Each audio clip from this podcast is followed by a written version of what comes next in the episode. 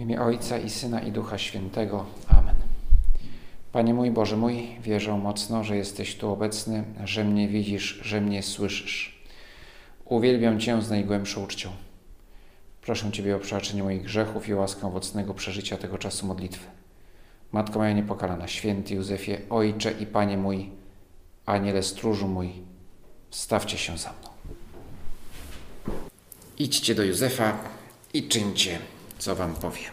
W Wigilię uroczystości świętego Józefa, w tym roku jeszcze bardziej uroczystej, bo, bo jesteśmy, w, papież chciał, abyśmy w Kościele cały rok starali się bardziej przeżywać yy, więź, poznawać lepiej postać świętego patriarchy.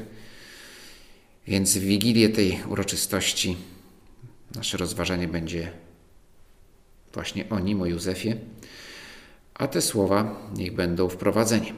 Słowa, które nie są z Ewangelii, tylko są z Księgi Rodzaju.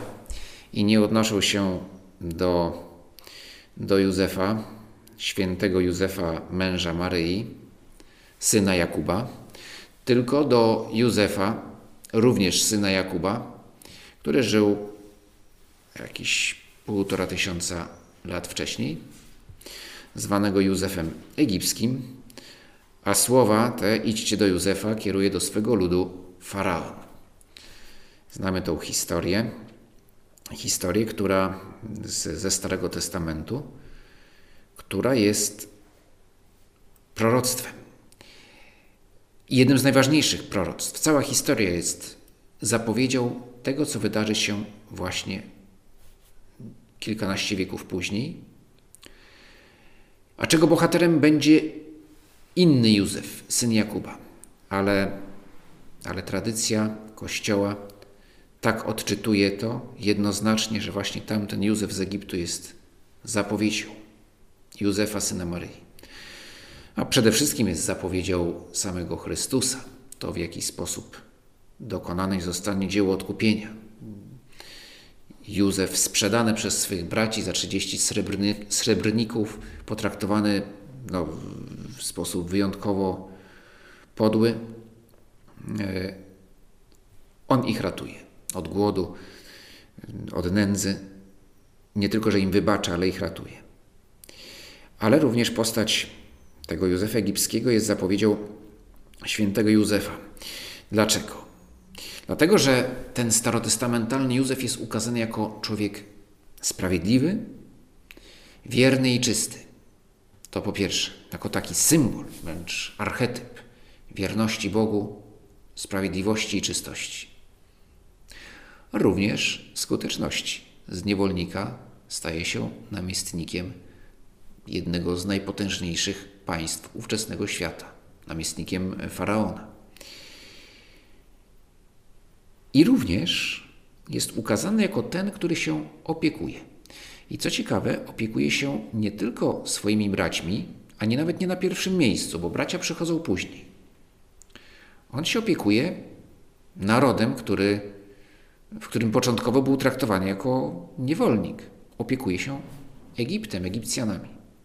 To jest też zapowiedź powszechności zbawienia. Powszechności zbawienia, ale również roli świętego Józefa, który będzie opiekunem całego Kościoła. Y, co ciekawe, no, postać Józefa Egipskiego no, nam się no, jest przedstawiona jako ten, który, dzięki którego przemyślności Egipt zostaje uratowany od klęski głodu, w związku z tym y, zadbał o o, o tą stronę materialną narodu, który mu został oddany pod opiekę. Ale wiemy, już nie z, yy, ze Starego Testamentu, ale są hipotezy historyków, że dynastia, która wówczas rządziła Egiptem, Hyksosów, yy, oni byli bardzo, skłaniali się do, ku monoteizmowi. Tutaj szczegółów nie znam, trzeba by to więcej poczytać, ale że traktowali chyba tego głównego boga w panteonie egipskim, Amonara, jako właściwie jedynego boga. I w tym kierunku zmierzali i że to mogło być, być powiązane, że właśnie taki mógł być wpływ, że był to wpływ e, Józefa egipskiego, jego wpływ na, na faraona, no bo oczywiście Józef był wyznawcą jedynego Boga. Święty Józef, opiekun Jezusa, opiekun i jego ojciec, prawdziwy ojciec, nie w porządku naturalnym oczywiście, to wiemy, ale jego misja jest misją ojca.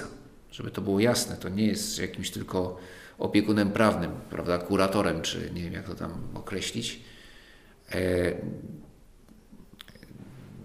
ale, ale jest jego, jest opiekunem Pana Jezusa, bo bierze za niego odpowiedzialność. Tak właśnie papież Franciszek definiuje ojcostwo jako ojcostwo w sensie duchowym jako gotowość i realne wzięcie odpowiedzialności za drugą osobę, w tym przypadku całkowitej odpowiedzialności jako za swojego syna. Więc święty Józef, ojciec i opiekun Jezusa, staje się w Panu Jezusie opiekunem całego Kościoła, no bo taka jest też logika tej historii. Pan Jezus czyni nas wszystkich swoimi braćmi, tym samym Jego matka staje się naszą matką, a Jego przybrany ojciec i opiekun staje się naszym opiekunem. No, nawet niektórzy święci, na przykład święty Josemaria, używał tego określenia ojcze.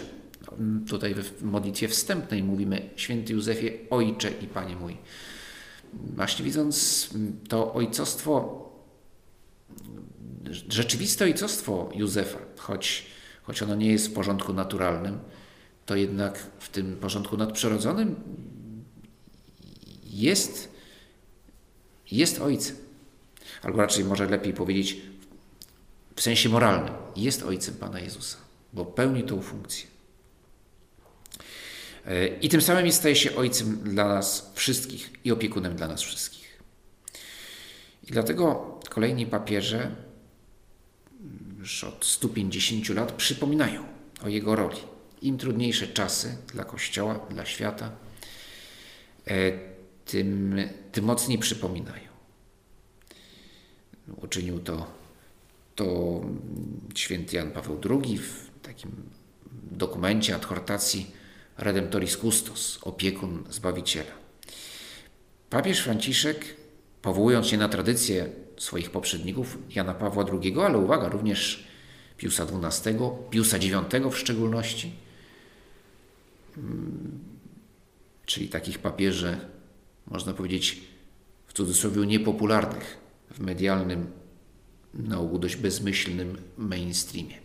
To byli wielcy papieże i wiele dobrego dokonali dla Kościoła i dla świata. Szczególnie Pius XII jest wyjątkowo niesprawiedliwie czy wręcz podle potraktowany przez niektórych. E, ten, który tak wiele zrobił, również dla, dla ratowania i pomocy autentycznej pomocy i ratowania życia rodaków świętego Józefa, a więc Żydów. Otóż wszyscy ci papieże mieli, mieli wielkie nabożeństwo do Józefa i, i Franciszek postanowił w tym roku jeszcze raz to przypomnieć. E, właściwie to uczynił w grudniu poprzedniego roku, w 150. rocznicę ogłoszenia przez błogosławionego Piusa IX 8 grudnia 1870 roku patronem Kościoła katolickiego chciałbym podzielić się z Wami kilkoma osobistymi refleksjami na temat tej niezwykłej postaci, tak bliskiej ludzkiej kondycji każdego z nas, aby, jak mówi Jezus, usta wyrażały to, co obfituje w sercu. Pragnienie to narastało w ciągu minionych miesięcy pandemii, w których możemy doświadczyć, pośród dotykającego nas kryzysu, że nasze życia są tkane i wspierane przez zwykłe osoby, zazwyczaj zapomniane, które nie występują w tytułach gazet i magazynów, ani na wielkiej scenie ostatniego show, lecz niewątpliwie dziś zapisują decydujące wydarzenia na kartach naszej historii. Są nimi lekarze, pielęgniarki, pielęgniarze, pracownicy supermarketów, sprzątacze, opiekunowie, opiekunki, kierowcy samochodów dostawczych, siły porządkowe, wolontariusze, kapłani, zakonnice i wielu innych, którzy zrozumieli, że nikt nie ratuje się sam.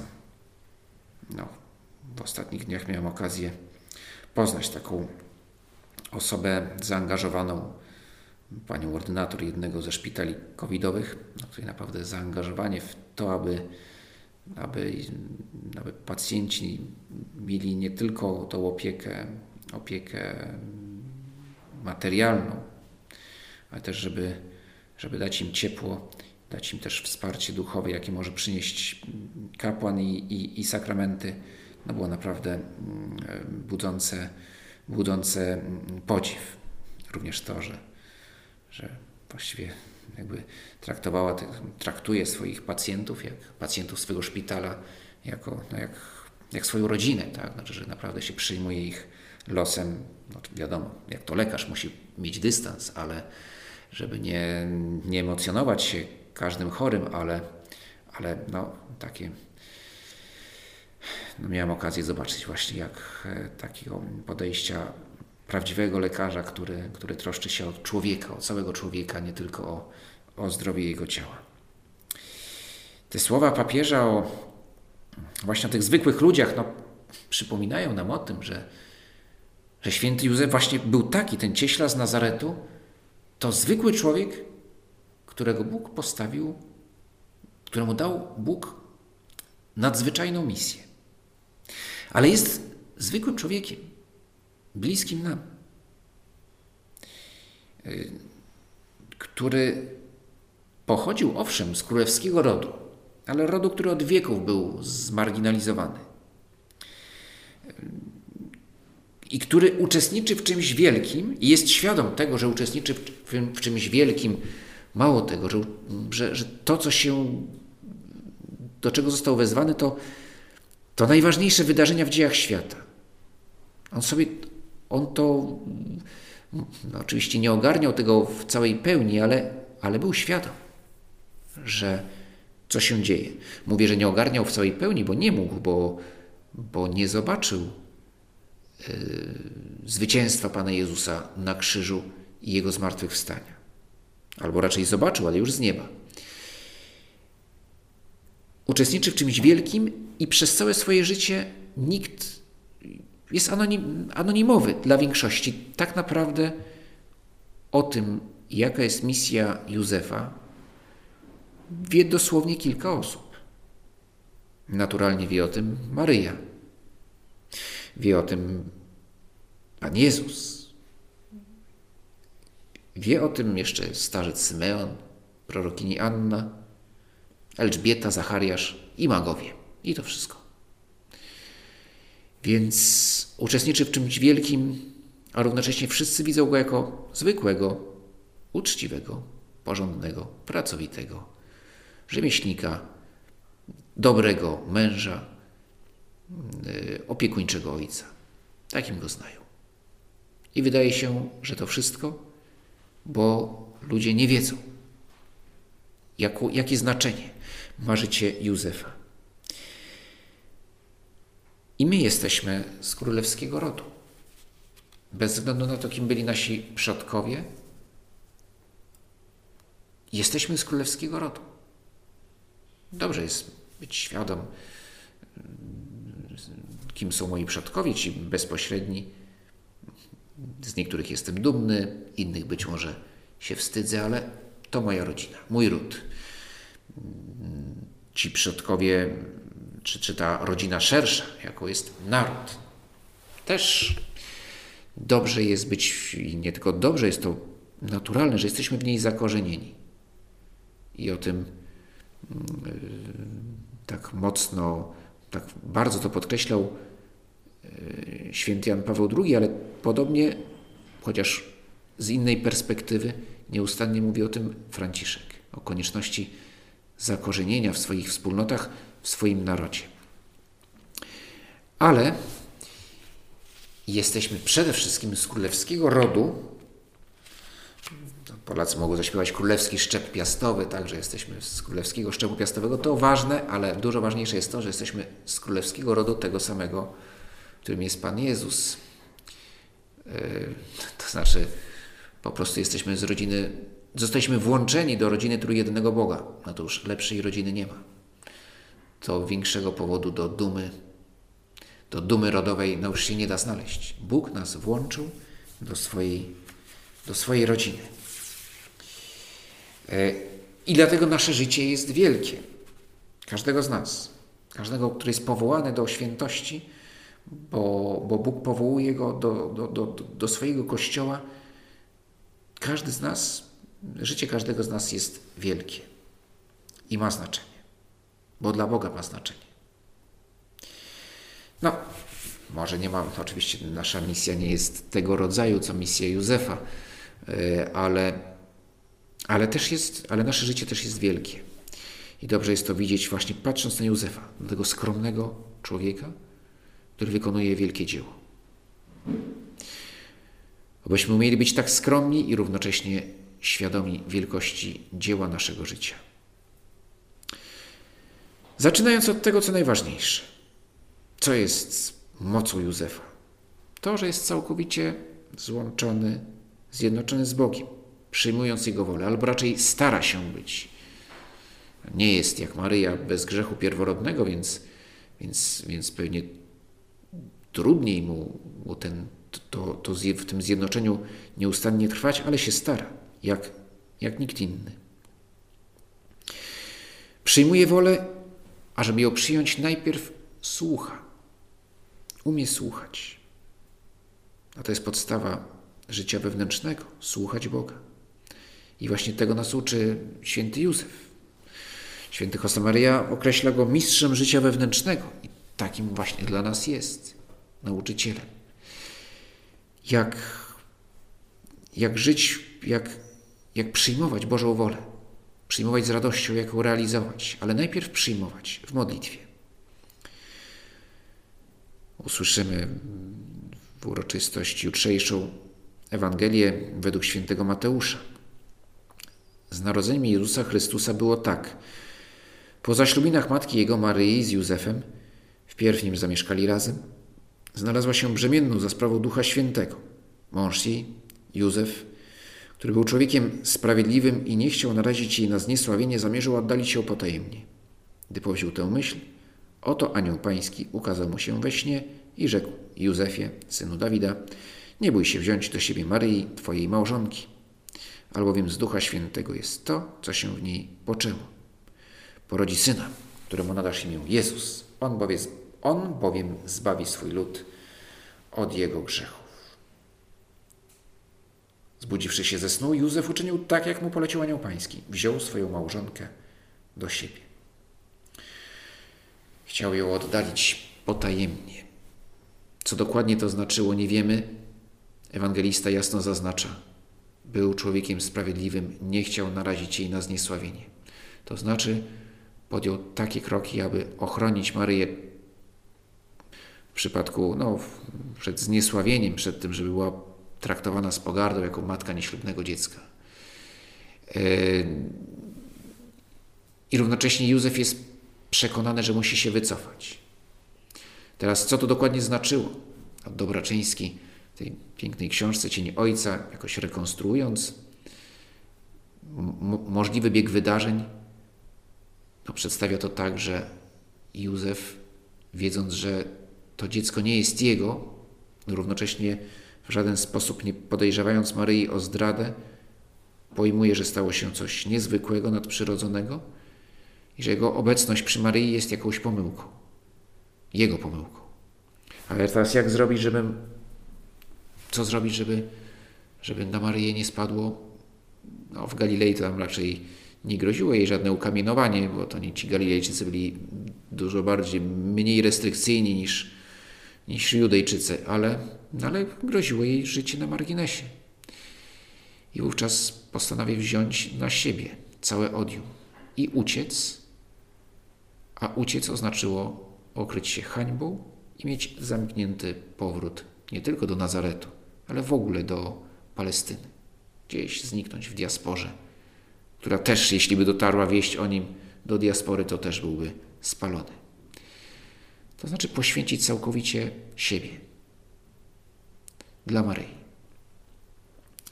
E, więc decyzja no, wstrząsająca, niesłychanie bolesna i wymagająca wielkiego, wielkiej miłości. Jak ją podejmował? w ciszy, w samotności. Ewangelie to nie są powieści psychologiczne. Tam nie ma, że na czterech stronach jest opisane, co się dzieje w duszy bohatera, w jego psychice, jak cierpi, jak, jak się waha, jak jego monologów wewnętrznych. Nic z tych rzeczy. Mateusz był, był celnikiem, człowiek konkretny. To, co wiedział, zapisał. Nie wiedział, co myślał Józef, więc nic nie zapisał. Maryja mu nie powiedziała, co on mówił, bo, bo nic nie mówił. Nawet jej nic nie mówił. W samotności walczył. No, nie chciał jej obciążać, nie mówił nic. Powiedział jej o śnie, który, ale o swej walce, o swym zmaganiu, o swojej modlitwie, o swym cierpieniu jej nie mówił. Więc Mateusz też nic nie pisze. Ale mógł oczywiście podkolorować, dokonać jakiegoś zabiegu literackiego, na przykład jakąś wymyślić skargę, modlitwę skargi Józefa, który krzyczy do Boga jak Hiob. Ale Mateusz nie był z tych, co poetów, prawda? Co tutaj... I to nie byłaby nieprawda, to byłoby tylko próba jakoś oddania tego, co się dzieje w duszy Józefa, ale Mateusz nic z tych rzeczy nie robi. Po prostu postanowił i był sprawiedliwy. Tyle. E... Józef Konrad w jednej z książek pisze, że ludzkość jest bogata w cierpienie, a uboga w słowa. W innym kontekście to zdanie padło, nie takim jak cierpienie Józefa, ale tutaj jakoś się nasuwa to ten cytat, bo właśnie ubogi w słowa, znaczy nie mówi nic i tylko jest bogaty w cierpienie. Oczywiście nie mówi nic głośno. Do Boga mówi, z Bogiem rozmawia. Na pewno tą decyzję podjął w trakcie modlitwy. Była to jego decyzja, po analizie tego, co może zrobić po ludzku. I ktoś powie, decyzja błędna. No to co to za modlitwa? To ta modlitwa nie modli się i się, i się pomylił. No właśnie się nie pomylił. W tym, co najważniejsze, się nie pomylił. Że chciał być sprawiedliwy. Sprawiedliwy w znaczeniu biblijnym to jest dużo więcej niż tylko cnota sprawiedliwości. Chciał postąpić zgodnie z wolą Boga z prawem, podstawowym prawem miłości. I właśnie to, że tego pragnął, otworzyło go na łaskę, aby usłyszał głos Boga. Bóg skorygował jego decyzję, ale najpierw on ją podjął w wyniku modlitwy. To znaczy, żeby mógł usłyszeć głos Boga, najpierw musiał, żeby mieć ten sen, najpierw musiał się długo modlić. Bóg w ogóle mówi do Józefa we śnie cztery razy. To też jest nawiązanie do tego Józefa ze Starego Testamentu, którym, który wręcz miał przydomek, i to taki złośliwy przydomek, przezwisko, ten, który miewa sny. To jego braciszkowie coraz bardziej na niego poirytowani mówią, o, idzie ten, co, co mu się śni. No bo ten Józef Egipski, jeszcze będąc młodym chłopakiem, po prostu był bardzo nieroztropny i wszystko gadał, co tam w tych snach widział swoim braciszkom, a braciszkowie coraz bardziej go nie lubili z tego powodu. Ale, więc jest nawiązanie jest ewidentne. Ale właśnie Józef, właśnie Józef odróżnił od, od swego poprzednika, nie gada dużo, nic nie gada, tylko działa. I wie, że ten sen jest głosem od Boga. Żydzi byli bardzo powściągliwi, jeśli chodzi o sny. To nie jest tak jak, nie wiem, jak Chaldejczycy, gdzie tam to cały biznes był, prawda, senniki, czy w Egipcie, prawda, sennik, który, to jaki, co, ja, przyśni ci się pies, to będzie tak, a jak kot, to, to, to jeszcze inaczej, jak pies z kotem, to w ogóle będzie naprawdę dramat. To nic na to Żydzi czegoś takiego, to no, z oczywistych przyczyn mieli duży dystans, e, czy wręcz potępiali takie e, tego typu e, operacje. Ale wiedzieli, że czasem Bóg może przez sen przemówić. Tak pisze mądrość Syracha. Poza wypadkiem, gdy Najwyższy przysyła sny jako nawiedzenie, nie przykładaj do nich serca. No właśnie, Józef wie, że to jest nawiedzenie bo poprzedzone długą Jego modlitwą. Sen zresztą jest tutaj, staje się symbolem, symbolem modlitwy. Nie tego, że modlitwa jest czymś nierzeczywistym. Ale dlaczego możemy potraktować jako swego rodzaju symbol modlitwy? Po pierwsze, żeby zasnąć, no to można być po prostu znudzonym, to jest jeden powód zaśnięcia. Nie o tym mówię. Żeby zasnąć, potrzebna jest cisza, wyciszenie. No właśnie, ktoś może rzeczywiście, jak ktoś jest znudzony, to się wycisza mu po prostu myślenie mu się wycisza, no to już nic nie myśli, to zasypia. No ale takiego normalnego, zdrowego snu potrzebujemy ciszy. A więc wyciszenie. W snach, w marzeniach sennych, co mamy? To, czym żyjemy na co dzień, tylko przetworzone. Na ogół w sposób dziwaczny i niezrozumiały, nie ma się tam, albo nawet jeśli zrozumiały, no to nie ma, to jest po prostu procesy jakieś tam mózgu. Psychologowie próbują to wyjaśnić, o co w tym chodzi i po co one są, ale, e, ale jedno jest, że to jest rzeczywistość, ale równocześnie jest pewien dystans do niej. Nawet jak śnimy, jak ktoś szczególnie, jak na przykład ktoś świadomie śni, no to często nawet wie, że to jest sen po prostu, że jestem we śnie.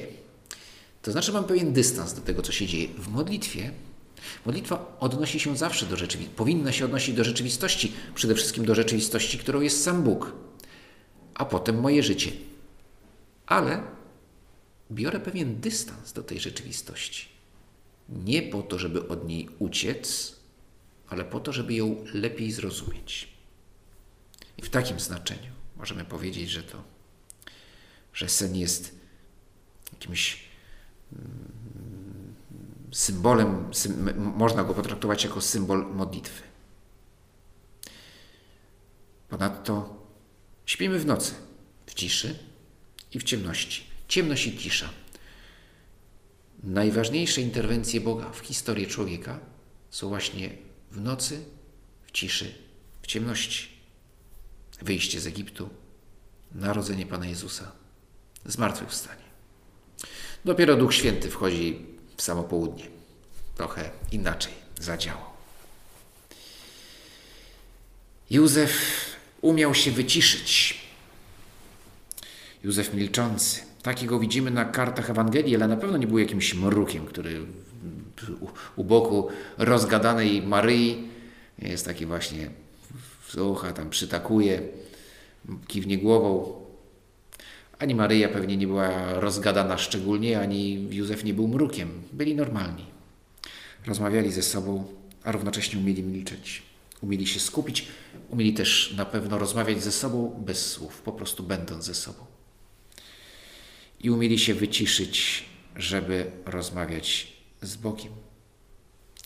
A równocześnie życie codziennie nie przeszkadzało im w tym. Ojciec Gasnie dominikanin, y, który napisał właśnie piękną książkę o, o świętym Józefie pod tytułem Józef Milczący, mówi o pewnych teoriach, które głosiły, że ani Józef, ani Pan Jezus nie mogli być cieślami, bo cieśla to jest taki zawód, przy którym trudno się modlić. Bo to łomocze, piła tam, to, jeśli już, to mogli być jakimiś może krawcami, może jakoś tak, żeby to było jakoś ciszej. No i ojciec Gasnie mówi, to nonsens, to bzdura. Ewangelia mówi, że byli cieślami i byli cieślami. I nie ma wcale przeszkody w tym, żeby, żeby mieć życie kontemplacyjne, wykonując zawód, w którym jest też dużo hałasu.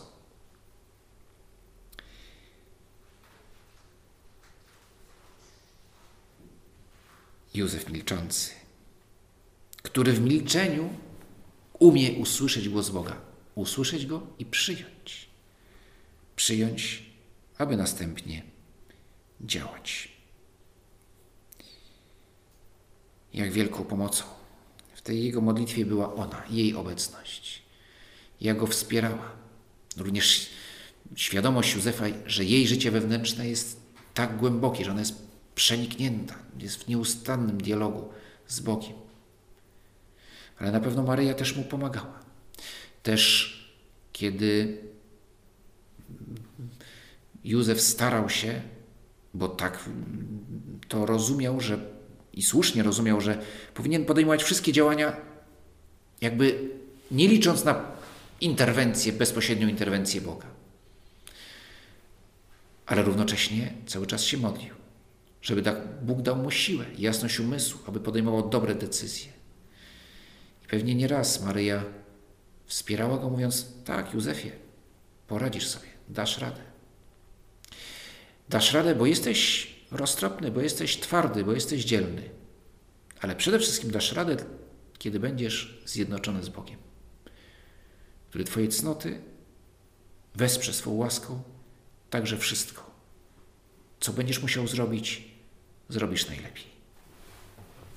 Dzięki Ci składam, Boże mój, za te dobre postanowienia, uczucia i natchnienia, którymi mnie- obdarzyłeś podczas tych rozważań. Proszę Cię o pomoc w ich urzeczywistnieniu. Matko moja niepokalana, święty Józefie, Ojcze i Panie mój, Aniele stróż mój, wstawcie się za mną.